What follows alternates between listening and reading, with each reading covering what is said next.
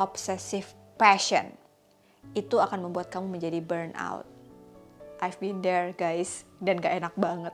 Makanya segeralah untuk beralih kepada harmonious passion. Ada yang bilang kita kerja keras buat mencapai tujuan keuangan. Begitu udah tercapai, kok rasanya tidak bekerja keras lagi atau bahkan kerjanya lebih keras lagi ya? Nah kira-kira nih ya teman-teman ini yang suka dipertanyakan. Aku tuh sebenarnya kerja mengejar apa sih mbak? Passion, cuan, pengakuan, atau keahlian. Nah, buat kamu yang lagi galau, tonton video ini sampai akhir karena aku akan ngebahas tentang gimana sih caranya pada saat kita kerja kita mencapai keempat aspek tadi. Seolah kamu bekerja padahal kamu sedang bermain tapi kamu dibayar dan kamu menikmati karena kamu bisa. Oke. Passion, kita bahas dulu yuk teman-teman. Sebenarnya kalau sekarang kita bicara passion, ini yang membuat kita tuh jadi punya satu gairah, semangat, uh, bahan bakar gitu kan. Tapi pada saat kita melihat kehidupan orang lain di media sosial, seolah kayaknya uh, kita itu ketinggalan. Jadi akhirnya kemarin waktu aku sempat uh, bahas di Instagram story ya, ada yang bilang mbak aku tuh kerja awalnya passion, terus begitu udah masuk kerja dengan kesibukan dan dengan berbagai macam hal, aku tuh iri ngeliat teman aku umur sekian udah punya ini, umur sekian udah punya itu, dia mengerjakan sesuatu yang lain, terus passion itu tidak membuatku semangat kerja di kantor ini lagi. Tahu kan belakangan ini membuat teman-teman jadi nggak produktif gara-gara lihat ada postingan teman yang mungkin punya bisnis baru. Ada yang jadi bosen sama kerjaannya karena ngeliat teman lagi traveling bisnis trip mulu tiap hari.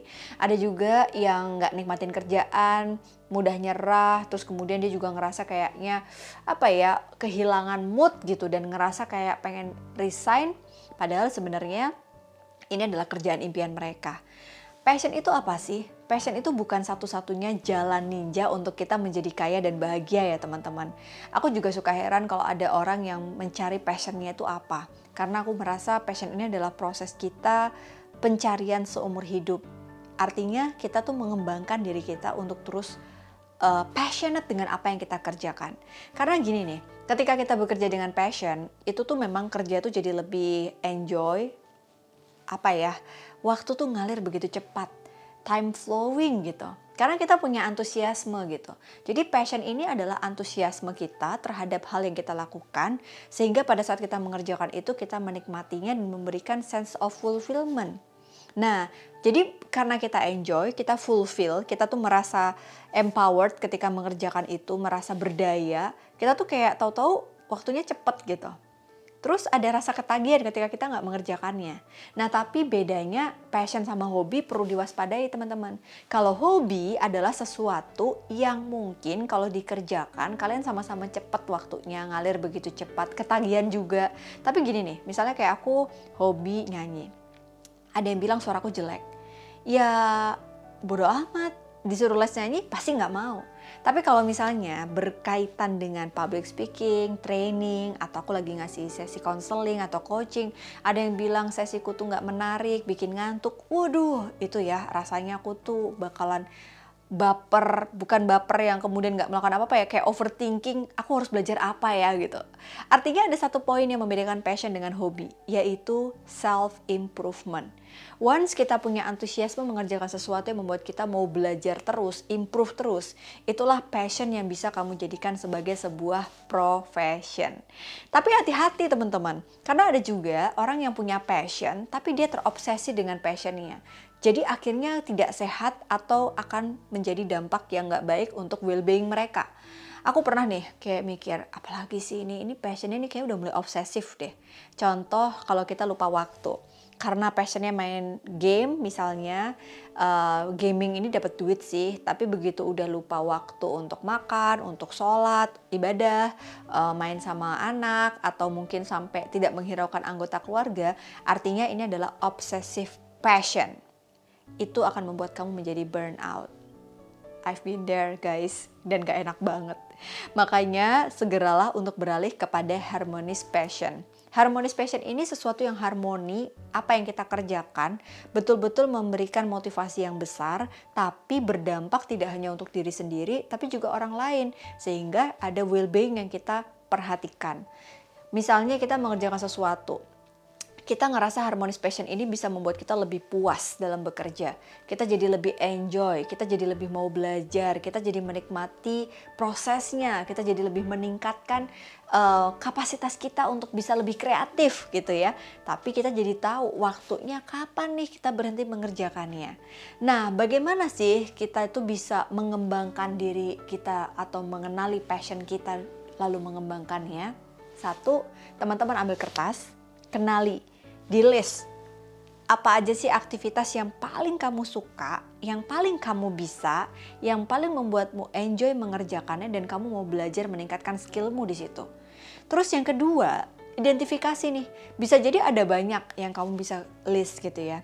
Tapi dibuat ranking yang paling tinggi itu yang mana, terus tentukan fokusnya tuh mau ke arah apa, pilih satu kegiatan yang bisa membuatmu bertemu dengan market yang bisa menjadikan passion menjadi profitable career.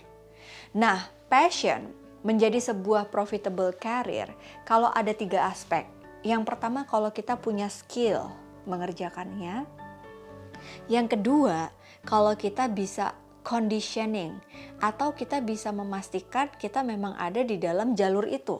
Misalnya nih ya, passionku public speaking, berkaitan psikologi, sharing, itu yang aku lakuin dari dulu. Maka aku ada di dalam industri yang membuatku di sana.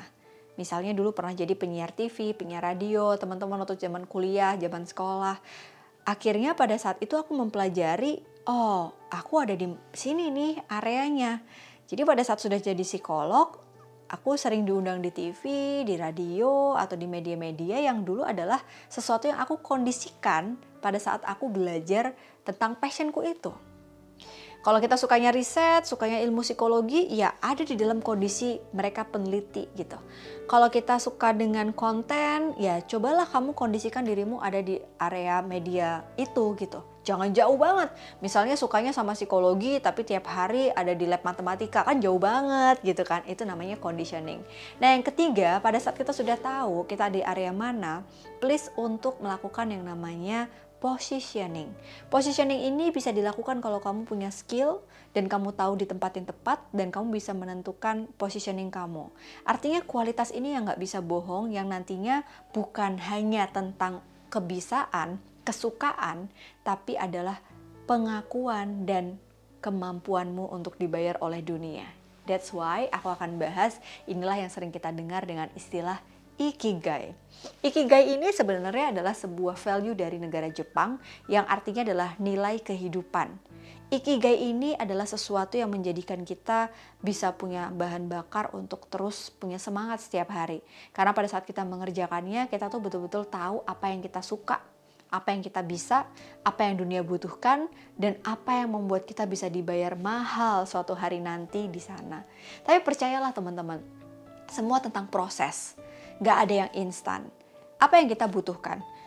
Jadilah orang yang terus memiliki growth mindset. Ini yang selalu aku bahas sering banget di kontenku maupun di setiap sesi-sesi seminar, training. Karena aku pribadi juga menerapkan growth mindset ketika ada di dalam uh, passion yang aku jadiin profession ini. Coba kalau dulu misalnya ya ada yang mana masih junior banget, kok berani sih bikin kantor, kok pede sih bikin konten.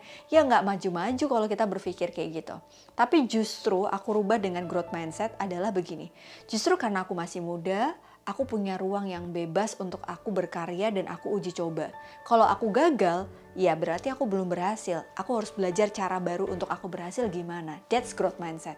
Tapi kalau aku fix mindset, aku akan bilang gini, aduh kan aku masih muda, nggak pede lah bikin kantor, nggak bikin nggak pede lah bikin konten. Ya udah nggak maju-maju. Itulah growth mindset.